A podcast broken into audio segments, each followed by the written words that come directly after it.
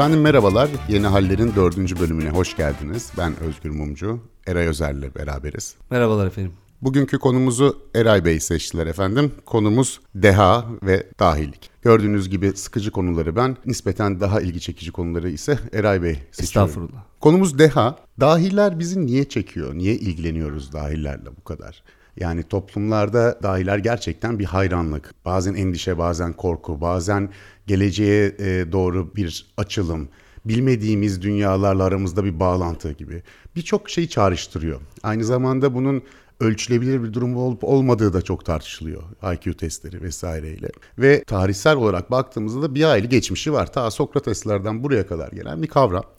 Ama öte yandan da bu kavramın yani dahilik kavramının bildiğimiz anlamda oturması ise aydınlanma dönemiyle e, ilgili bir şey. Biraz da bireyselleşmenin başlaması, işte e, hümanizmanın ortaya çıkmasıyla birlikte bu anlamda kavramsallaşıyor gibi gözüküyor. Eray sen bu işin felsefi tarafını yatkınsın diye biliyorum. Felsefede deha nasıl ele alınıyor? Ne diyorlar yani? Kimdir dahi bir filozofa göre ya da felsefenin temel akımlarına göre? Ne kadar eskiye gittiğimize bağlı olarak bir sürü metinde geçiyor tabii. Onlarca, yüzlerce metinde geçiyor. Bir kere iki şey e, öne çıkıyor. Bir tanesi her zaman delilikle arasında bir ilişki kurmuş filozoflarda. Platon'da e, Divine Madness e, diye geçiyor. E, ilahi delilik, bir dehayı böyle tarif etme şeyi var. Aristo'da mesela bir melankoli atfediyor. Schopenhauer çok kafa yormuş. Arkasından da işte yine aynı şekilde Kant bu ikisi önemli öne çıkıyorlar. Schopenhauer'un güzel güzel lafları da var. Schopenhauer'a göre deha tikelde tümeli görmektir diyor. Yani bir objeye bakıp onun arkasındaki prensiplere hakim olmaktır diyor. Ki o tikelle kastettiği şey hani Platon'un bir hepimizin bildiği bir mağara örneği vardır ya işte ideler dünyası vardır. Biz onların işte dünyadaki e, gölgelerini görürüz ve oradan da idelerin kendisi hakkında fikir sahibi olmaya çalışırız. İşte dehayı yani daha doğrusu dahiyi birazcık bu ideler dünyasına dair e, fikir sahibi olan bizim göremediğimiz gibi yani gölgelerden hareketle idelerin kendisini görmeye daha yatkın olan kişi gibi biraz algılıyor. Yetenekle de dehayı ayırıyorlar. Schopenhauer'un havalı laflarından bir tanesi var. E, yetenek diyor kimsenin vuramadığı hedefleri, deha ise kimsenin göremediği hedefleri vurur diyor. Yetenek çalışırsın, kimsenin yapamadığı şekilde yapabiliyorsan evet sen yeteneklisin. Yok öyle değil de kimsenin göremediğini görüp de onu vuruyorsan o zaman daha iyisin diyor. Yani burada Kant da şunu demiyor mu zaten? Öyle herkes dahi olamaz kardeşim. Dahi olman için örnek olacak bir eser ortaya koyman Çok doğru evet. Mesela Shakespeare'in Hamlet oyunundan sonra birçok oyun, şiir, yazı, film vesaire onu taklit ederek e, ortaya çıkıyor bir anlamda. Yani kalıpları ortaya koyan ve bir model oluşturan şeyler e, üretimlerde bulunmalıdır diyor. Öte yandan da Kant zaten aydınlanma nedir'i e, aydınlanmanın neredeyse manifestosunu yazmış biri ve söylemiştik aydınlanma çağında bu bildiğimiz anlamda dahilik kavramı beliriyor. Ne diyorsun Kant'ın e, bu dahiliye bu kadar kafayı yormasının sebebi ne? Kant da mı dahiydi mesela? Yani Kant zaten kendisinin dahi olamayacağını söylüyor. Onun için deha sanata özgü bir kere. Çok güzel örneği var. Evet diyor yani Newton'un matematiğin prensipleri eseri ölümsüz bir çalışmadır diyor. Ama diyor çalışılarak yapılabilecek herhangi bir şeyin Kant'ın anladığı anlamda dehaya dahil olmadığını. Onun yerine diyor mesela diyor tamam e, matematiğin prensipleri de ölümsüz bir eserdir ama diyor asla diyor bir İlyada destanı, Homeros'un İlyada destanı gibi olamaz. Onu yapmak için bir dahi olmak gerekir diyor. Onun koyduğu bir takım kriterler var. Çok hızlıca söyleyeyim. Bir tanesi diyor ki orijinal bir fikriniz olması gerekiyor. İkincisi taklit etmeyeceksiniz diyor. O yüzden bilimi dışarıda bırakıyor. Diyor ki bilim sonuçta bir takım öğrenme ve öğrenmeden sonra oradan aldığı ilhamla, fikirle bir yeni açılım getirmedir diyor Kant. O olmayacak diyor. Tamamen özgün, herhangi bir öğrenme edimine dayanmayan bir üretim, yaratıcı üretim sürecinden bahsediyor. Fakat taklit edilecektir diyor. Yani deha taklit etmez, taklit edilir diyor. Ve e, bir üçüncüsü de işlevsel olmalıdır diyor. Hatta yaratıcılığın sırrını açıklarken bunu söylüyor. Diyor ki yaratıcılık eşittir orijinallik çarpı işlevsellik. Bunlardan biri sıfır olursa sonuç sıfıra gider diyor. Anladım. Bir yandan da ama bir doğaüstü ilahi bir şeyden de bahsediyor. Yani bu anlattığında Kant'ın şu ortaya çıkmıyor mu? Bilimsel metodolojiyi kullanırsan ve yeterli vakit ve çaba e, ayırırsan belli bir ortalama bir insanda zaten çok büyük buluşlar e, yapabilir vesaire. E, ama bu işin ilahi tarafı var gibi gidiyor değil mi? Yani sanat Ee, Tabii bu arada Einstein'la tanışmamış henüz yani öyle bir durum da var. Ama şuna benziyor. Şimdi Atatürk de mesela aydınlanma hareketinden çok etkilenmiş bir figür ve onun da bir sözü var. İşte sanatçı ışığı alnında ilk hissedendir diyor. Yani o sanatçı bir kayırma, e, bunun böyle bir doğaüstü tarafı, yaratıcılıkla ilgili bir tarafı olduğu da e, burada sabit ve aklıma bu şunu getiriyor. Dahiliğin ya da dehanın temeline baktığımız zaman e, bazı araştırmacılar bunu ta Sokrates'e kadar götürüyor. İlk dahi Sokrates diye değil. Ama Sokrates'in idama mahkum olmasının bir sebebi var. O da Sokrates'in cinlenmiş olması.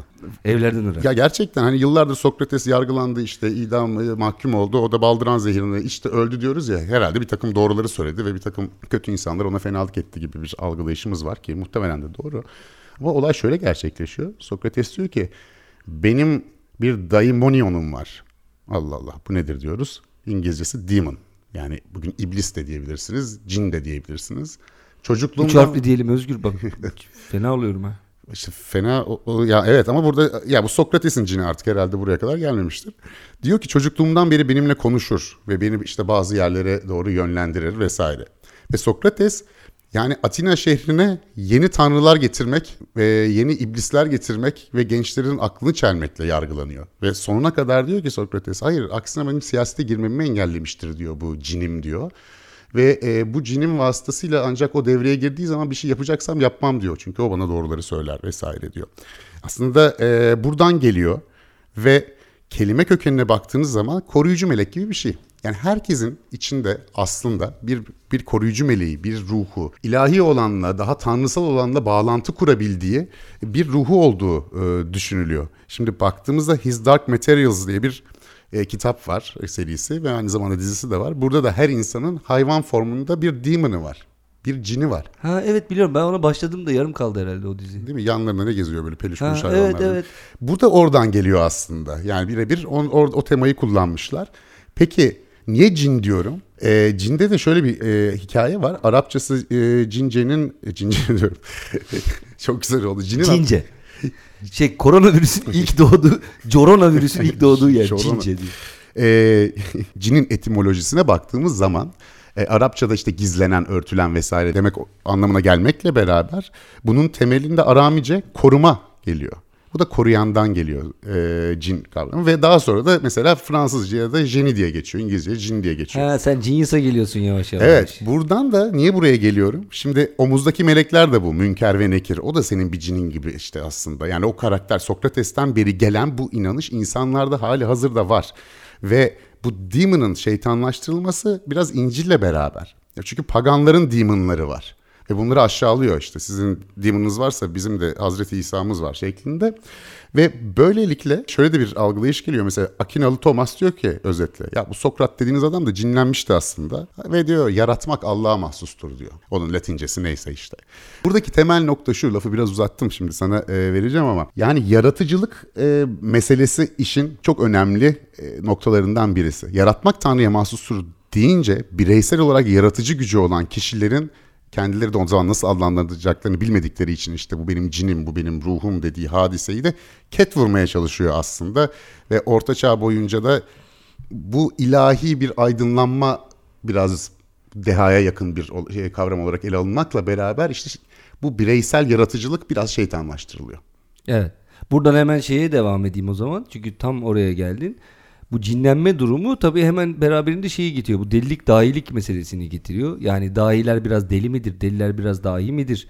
Delide keramet de aranır. Dahide delilik aranır.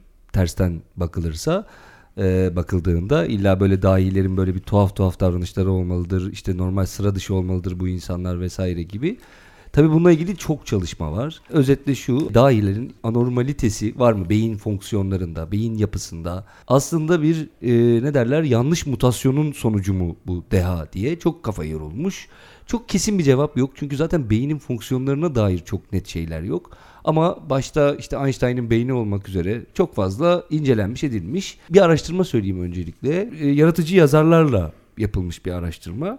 Onun karşısında yaratıcı yazarlık gibi mesleğe sahip insanların karşısına benzer e, IQ seviyesinden gelen ama e, tırnak içerisinde görece daha sıkıcı işi olan insanları koymuşlar. E, Nancy Andreasen'in bu araştırmasında e, şöyle bir sonuç çıkıyor. %80'inde bu insanların bir akıl sağlığı sorunu yaşadığı ortaya çıkıyor. Kontrol grubunda yani sıkıcı işi olanlarda ise bu yüzde 30 seviyesinde e, bu kadar insana baktığında tabii ki herkesin bir depresyon geçmişi, bir ne bileyim ben obsesyon geçmişi, bir nevroz geçmişi falan olabilir. Bu normal. Ama yaratıcı yazarlara bakıldığında bunun %80 seviyesinde olduğu ortaya çıkıyor. Yine bir fiziksel özellik Mesela bizim talamus, e, e, ön lobumuzdaki talamus bölgesi duyuların bir tür işlendiği merkez. Burada dopamin reseptörleri var. Bu, reseptörler uyarım geldiğinde lüzumsuz uyarımı kortekse ilet, iletiyor veya iletmiyor. İşte reseptörler bunun organize edilmesiyle uğraşıyor. Bakıyorlar IQ'su yüksek olan insanlarda, deha sınırına yakın insanlarda bu reseptörlerin sayısının az olduğunu görüyorlar. Bu ne demek? Beyin yukarıya Allah ne verdiyse gönderiyor. Her türlü enformasyon yukarısı uğraşsın diyor. Korteks bu açıdan herhalde büyük ihtimalle zorlanıyor aşağıdan gelen enformasyonla uğraşmakta. Ama netice itibariyle de sonuçta ortaya şöyle bir şey çıkıyor. İşte bu insanlar bu enformasyonları birbirleriyle e, mukayese edip kıyaslayıp işleyebildikleri için de işte belki de daha zeki hale geliyorlar. Tabii bu tartışma sonu bitmiş işte hakikaten otizmde mesela şey yapılır. Otist, otizmli insan şu mudur? E, zeki midir? Hep öyle bir şey. Ya, Rain Man'den beri hayatımızda vardır ya bu fenomen. Ben işte psikoloji okudum. Psikolojide mesela e, hayır otizmle birebir de zeki arasında bir ilinti yoktur. Tam da bu yüzden otizmli insanlar zekidirler. Çünkü otizm kendisinin yarattığı bazı koşullar gereği bir objeye, bir nesneye, bir konuya e, sabit bir şekilde takılmayı ve onun etrafında azmetmeyi, sabretmeyi e, daha da kolay hale getirir. Otizmli insanlar uzmanı olmak istedikleri ya da ilgi duydukları konuda diyelim e, kendilerini takıntılı hale getiriyorlar. Otizm ama bir yandan da bazı sosyal zorlukları getirdiği için çok otizmli dahi bulmak kolay değildir belki ama mesela çoğu insanda sen de görmüşsündür Asperger denilen otizmin e, spektrumu içerisinde başka bir yerde duran bir hastalığa rastlanır. Asperger bir yandan da insanları e, çalışma konusunda, disiplinde, sebat etme konusunda motive eden bir özelliktir. Derken buradan ben konuyu zaten pozitif bilime taşımış oldum e, aydınlanmanın sonuyla ve 19. yüzyılın başlarıyla birlikte zaten kafayı bu zeka nedir, nasıl ölçülür, e, ölçülebilir mi gibi bir konuya takmış durumda bilim. Tabii bu ölçmeye kafayı takıyorlar ama e, bunun da bir, bir konteksti var, bir bağlamı var. Niye buna kafayı takıyorlar? Bir defa e, geldik orta çağ işte delilik ne olabiliyor? Delilik ya da dahilik. Hakikaten orada ince çizgi var derler ya hep. Biz de o klişeye düşelim. E bunlar hepsi e, ilahi bir takım sebeplerle e, izah edilmeye başlıyor. Ama ne zaman ki hani bu Nietzsche'nin Tanrı öldü dediği döneme girmeye başlıyoruz ve e, din hayattan çekilmeye başlıyor. Hümanizma daha orta, e, ön plana işte e, bilimdir, insan akıldır, insanı merkeze almaktır bunlar ön plana çıkmaya başlıyor. Bu ölçüm meselesinin de dahi kavramının aydınlanma çağıyla, bilim çağıyla e, beraber gelişmesiyle bir bağlantısı var. Daha önce ilahi olarak, metafizik olarak gördüğüm bir kavramı ölçüp biçmek aklına gelmez. Zaten şuna da bakmak lazım. Delilik üzerine yapılan çalışmaların da bilimselleşmesi, dahilik üzerine yapılan çalışmaların bilimselleşmesiyle yakın yaklaşık olarak aynı zamana denk geliyor. E çünkü şöyle bir şey var, desakralizasyon başlıyor. Tanrı Nietzsche'nin de söylediği gibi tahtından inmeye başlıyor. Toplumlarda artık temel harç, temel inanış, motivasyon, din değil. Bir sekülerleşme çağı başlamış ve insanlar da e, biraz iyi, güzel, doğruyu nerede arayacaklarını bilemiyorlar. Ve yüzlerini bu dahilere dönmeye başlıyorlar. Bu bir dahiler çağı zaten. Devasa dahiler çıkıyor 17. yüzyılda, 18. yüzyılda ve bir görüşe göre ise e, bu dahilerin sonuncusu ise Einstein. Titanların sonuncusu diyorlar. Ondan sonra dahi pek çıkmadı deniyor. Neyse bilimsel olarak işe bakmaya başladıklarında ya bu dahilik arkadaşım manevi bir şey değil, ilahi bir şey değil, insanın kafasının içinde. Ölçelim diyorlar ve ilk mağdurda Kant oluyor bunun. Öldükten sonra kafatasını açıp bakıyorlar. O zaman neuroscience yapamıyorlar. Beynin içine çok fazla inceleyemiyorlar. Bunu, Adam benden daha iyi olmaz demiş. E, biz bir senin kelleye gene de bakalım. bakalım demiş. Ya, adamın kuru kafasını almışlar bakıp e, cenazesine eziyet etmişler diyebiliriz.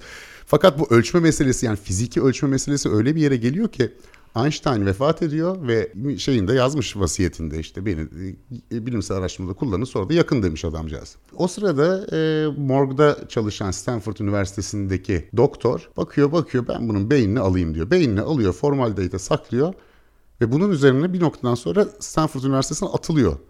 Bu yarın da beyin kariyeri de düşmeye başlıyor adamın. O beyniyle beraber bir oraya gidiyor, bir buraya gidiyor. Arabasının arkasında saklıyor. işte bira soğutucusunun yanında tutuyor falan.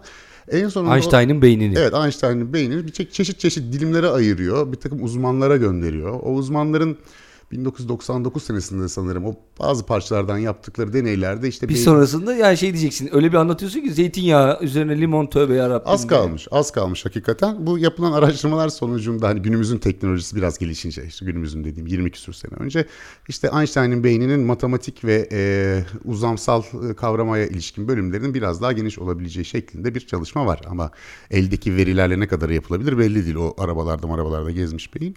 Şu anda e, bir müzede sergileniyor Amerika Birleşik Devletleri'nde. İsteyenler ise cep telefonlarına e, Einstein'ın beyninin atlası çıkartılmış beyin parçalarına bakabiliyorsunuz. E, bu program ilk çıktığında bu application yaklaşık 8-10 sene evvelmiş. E, o zaman e, 9.99 e, dolarmış. Şu anda baktım 0.9 dolara alabiliyorsunuz. Yani Einstein'ın e, beyninin de ederi düşmeye başlamış. Fakat bir anlamda da demokratikleşmiş. Herkes ulaşabiliyor cüzi bir bedel karşılığında. Bu işin e, fiziki kısmı. E, aynı zamanda beynin bazı bölgelerine elektrik vererek e, beyin kapasitesini arttırma çalışmaları vesaire de yapılmış. Bir de işin zeka ölçme kısmı var. İşte bu da meşhur IQ testi ve benzeri zeka testleriyle ilgili. Fakat şunu da unutmayalım bu zeka testlerinin ilk ortaya koyan işte Galton isimli bir Fransız bu aynı zamanda öjenizmden de yana yani soyun genetik müdahalelerle ıslahından da yana çünkü neden modernizmin bir sürü iyi tarafı yanında karanlık bir yüzü de var ve Darwin'in geliştirmiş olduğu evrim teorisi biyolojik determinizmle birleşince e, birdenbire çok e, güçlü ve karanlık bir silaha da dönüşebilmiş. Evet yani aslında işte o faşizmin ayak sesleri gibi adeta hani mükemmel insanı nasıl yaratırız, ari ırk yaratır mıyız filan o çalışmaların içerisinde bir yerlerde duruyor yani aslında. Yani Nietzsche'yi biraz çarpıtıyorsun, Darwin'i biraz çarpıtıyorsun, alıyorsun. İşte Hitler ve Nazizm'de oluşabiliyor neticede ama bu buradan çıkan teorilerin ya da buradaki bilimsel olguların yanlış olduğu anlamına gelmiyor. Evet bu çalışmalar sonrasında bizim şimdi bugün e, bildiğimiz IQ testi ortaya çıkıyor. Stanford Binet e, testi diye geçen test. Buna bağlı olarak yani ellerinde bir iyi kötü bir veri oluşturuyorlar. Basit bir hesaplaması var. E, teste bağlı olarak e, dünyanın gelmiş geçmiş en uzun süreli araştırması başlıyor 1921 yılında. E, Lewis Terman tarafından başlatılıyor bu araştırma. Çok ilginç bir araştırma. Gerçekten yani e, 1995'e kadar devam ediyor. Ve işte artık araştırmanın e, örnekleme olan e, termitler deniyor bunlara. E, soyadından aldıkları ilhamla. 1910 ortalama doğumlu işte 80 yaşını bulanlar var, üstüne çıkanlar var. Bunlar 1521 çocuk. O dönem işte 21'de başladığına göre ortalama 10-11 yaşında olan 1521 çocuk alınıyor ve bu çocuklar 135 ve üstü IQ'ya sahipler. 85 yıl boyunca bu çocuklarla ilgili, bu örneklemle ilgili onlarca makale yazılmış. Yani yüzden fazla bilimsel araştırma var. Sadece bu e, termitlerle ilgili yapılmış e, çalışmadan bahsediyorum. Bir düzineye yakın kitap var. Terman bir yerde 1954'te e, araştırmadan ayrılıyor. Sonra çok enteresan bir termit olan kendisi de Dr. Sears alıyor araştırmayı.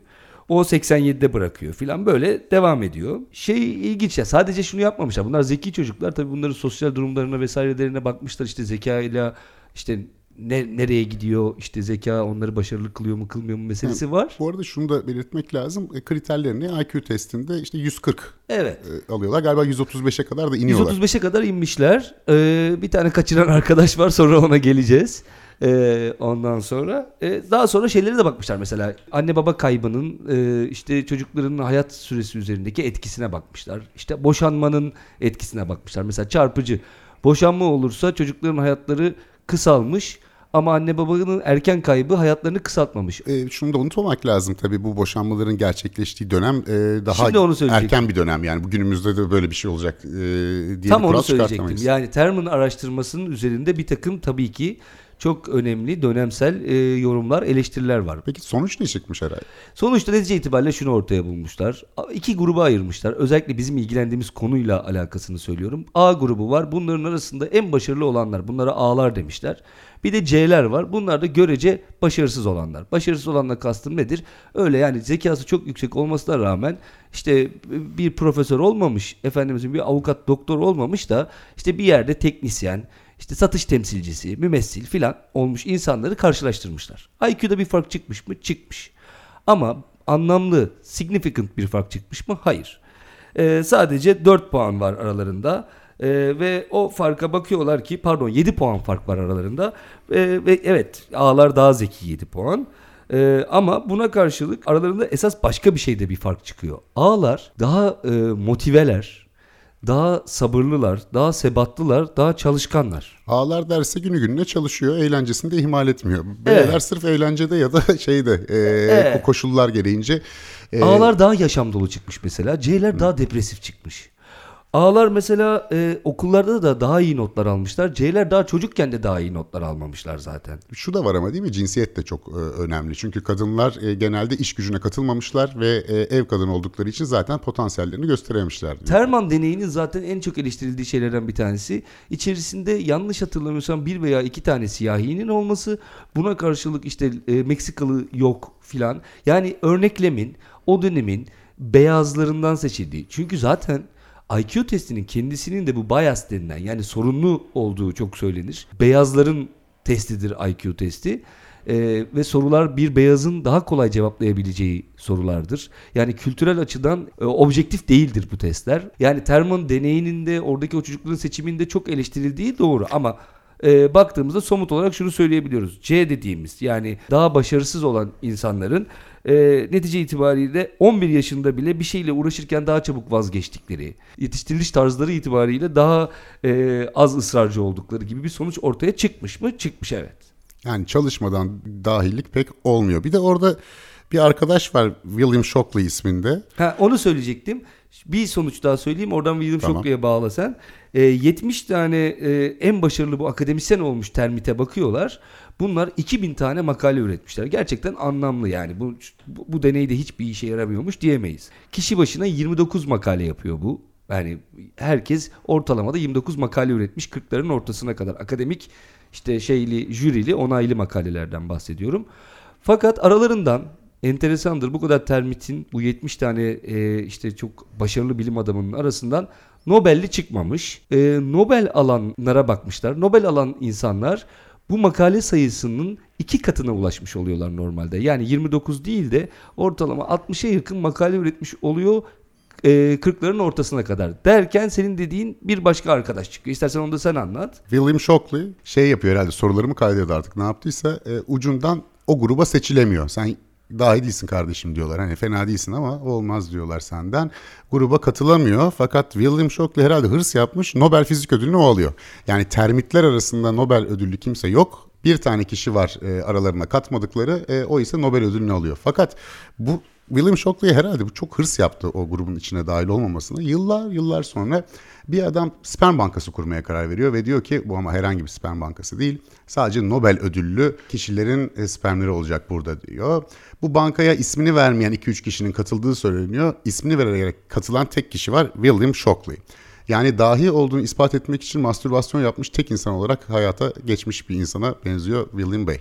Şey transistörün bu arada co-inventor yani keşfedenlerinden birisi o ekipte bulunmuş birisi.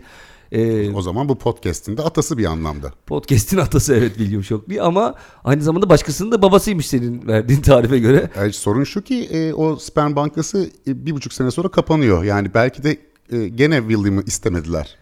Yani insan şimdi yani illa çocuğum transistör bulsun ister mi çok emin değilim. Daha mutlu olsun istiyoruz işte. Ee, ne bileyim böyle rahat rahat yaşasın. William da herhalde bir Brad Pitt değildi benim tahminim. Yani bütün bunu kriterlere bir arada baktığın zaman hani olmasa da olur William gibi bir his oluyor insanda sanki. Fakat günümüzde artık bu ölçüm yöntemleri iki ç- yöntem var bunun. Birincisi hali hazırda hayatta olmanızı ve mümkünse çocuk olmanızı gerektiriyor. Buna psikometrik yöntemler deniyor IQ testi vesaire. Bir ikinci yöntem ise işte historiometrik denilen sistem. Bu da dönüyorsunuz tarihteki bir takım ünlü ve dahi olduğundan şüphelendiğiniz kişilerin biyografilerine bakıp bence bu 130'dur, bence bu 140'tır, 180'dir falan diyorsunuz. E, tabii bunun e, bir kesin bir bilim olup olmadığı tartışmalı ancak e, bazı çıkarımların doğru olduğu da söyleniyor. Şunu da görüyoruz. Bu ölçüm yöntemlerinde giderek bir e, yani dahiliye araştırmaktan biraz uzaklaşmaya başlama var. Onun yerine işte duygusal zeka da var. Aslında 8 tip zeka vardır. İnsanlarla iletişim kurma ya da doğal hayatta hayatta kalabilme, doğal yaşamda gibi bir takım e, zeka kategorileri de vardır vesaire gibi bu işi e, biraz daha e, başka açılardan yaklaşılmaya başlandığını görüyoruz. Bunu şuna bağlamak mümkün. Şimdi bu dahilik kavramının oluştuğu aydınlanma, işte modernite, akıl, bilim vesaire zamanlarında tanrıların ilahi gücün biraz yerini aldılar. Biraz e, baktık onlara ve orada farklı bir geleceğinin bilmediğimiz bir dünyalara açılan gizemli, bazen de hatta cinsel tarafı dahi olabilen bir hayranlık duymaya başladık değil mi? Dahilerin cinsel hayatıyla herkes ilgilenir. Einstein'ın çapkınlık hikayeleri. Tabii tabii meşhur. Ya Napolyon'un penisini kesmişler e, araştırma yapacağız diye Kant'ın kafasını. Yine, yine söyledi tuzlamışlar falan diye bir şeye bağlayacağız. Hayır efendim daha 1900'lerin başında Fransa'da şey e, New York'ta bir Fransız. Bir de çok normal anlatıyorsun ya. Onun beynini dilimlemişler. Ötekinin penisini kesmişler falan diye. Kardeşim ben ne yaptım? Napolyon düşünsün de o da ölmüş zaten. Penisi sergilenmiş bu adam. Hala birinde bu arada. Hakkında kitap var. E, Hala birinde mi duruyor Napolyon? Evet evet. Birisinin çocuğunda o göstermiyormuş ama babası kimseye göstermiyormuş. ya böyle bir şey olabilir mi ya? Ya kardeşim kitap var Napolyon'un mahrem organları diye bu konuyu anlatan sadece. Yani... Ve sen bunu buldun yani bir şekilde. Allah bilir Napolyon'un mahrem organları kitabını okumuşsundur da. E, indirdim de henüz başlamadım. E, şöyle bir durum söz konusu e, oluyor. Bu insanlar tanrılaşıyorlar. Yani Fransa'da Paris'e gidin. Ee, Yunan e, ta- tapınaklarıyla aynı ismi taşıyan işte Pantheon denir. Orada bütün büyük devlet adamlarını oraya koyuyorlar. Bu arada kapısında da şey yazıyor. Kapısı dediğim de kocaman bir sunak. Ee, işte vatan büyük adamlara minnettar yazıyor. Hani henüz kadın koymadılar bildiğim kadarıyla. Orada seksist bir durum da var. Çünkü dahi dediğin erkek olur deniyor. Onu ayrıca inceleriz bu arada. Birçok kadın dahi var elbette. Fakat dahilik dediğimiz kavram artık ayağa düştü. Onu kabul edelim. O sebeple Einstein sonuncu dahiydi diyorlar. Bu tanrı gibi gördüğümüz dahiler bize biraz zarar verdi. Dahiler değil ama dahilik dini diyebileceğimiz kavram. 1930'larda bu Nietzsche'nin Übermensch ile de e, beraber ele alabileceğimiz bir dahilik dini doğuyor neredeyse. Bizi dahiler kurtaracak diye. Ve Hitler de kendini bir dahi olarak gösteriyor. Ve sürekli Hitler'in dehasından bahsediliyor o dönem. E, ve o zaman bir Yahudi şairin şiiri var lütfen kurtulalım bu e, dehalık ruhundan, dahilik ruhundan diye. Ve Hannah Arendt yine dahiliğin ticarileşmesi ve e, e, bayağılaşmasından bahsediyor. Aynı zamanda şu anda Einstein'ın e, bütün resimlerinin, fotoğraflarının vesairenin kullanılma hakları da Kudüs Üniversitesi'nde milyon dolarlar kazanıyor buradan. Hakikaten de ayağı da düştü o anlamda. Şimdi herkese dahi diyoruz. Yani o piyano dahisi, öbürü frikik dahisi. Atakan var dahi mesela. Atakan var dahi. Apple'a gidiyoruz. Apple mağazasındaki bilgisayarını tamir eden çocuk da genius. O da dahi falan. Yani dahiliğin demokratikleşmesi, ayağa inmesi mi var? Acaba artık herkes kendi Sokrates gibi kendi demon'ını mı arıyor bu bireyselliğe geldiğimiz dönemde? Ee, bir de şu var. Bilim dünyasında artık tek başına sen çıkıp da yer çekimini falan bulamıyorsun. Bugün Bell laboratuvarlarında 1200 doktoralı insan çalışıyor. 13'ünün Nobel ödülü var. Ekip çalışmasıyla ancak medeniyetin ve bilimsel buluşun ilerlemesinden bahsediyoruz. Yani bugün koronavirüs aşısını bir kişi çıkıp bir dahi pastörün e, pastörizasyon yöntemini bulması gibi bulamayacak. Bir sürü laboratuvarlar, networkler vesaire. Bilimsel anlamda dahi biraz tahtından indi. Sosyal bilimler anlamında ise şöyle indi. Bu daha ziyade Marksist kuramın zamanla yerleşmesinden kaynaklanıyor. Bu sosyal bir kurgudur.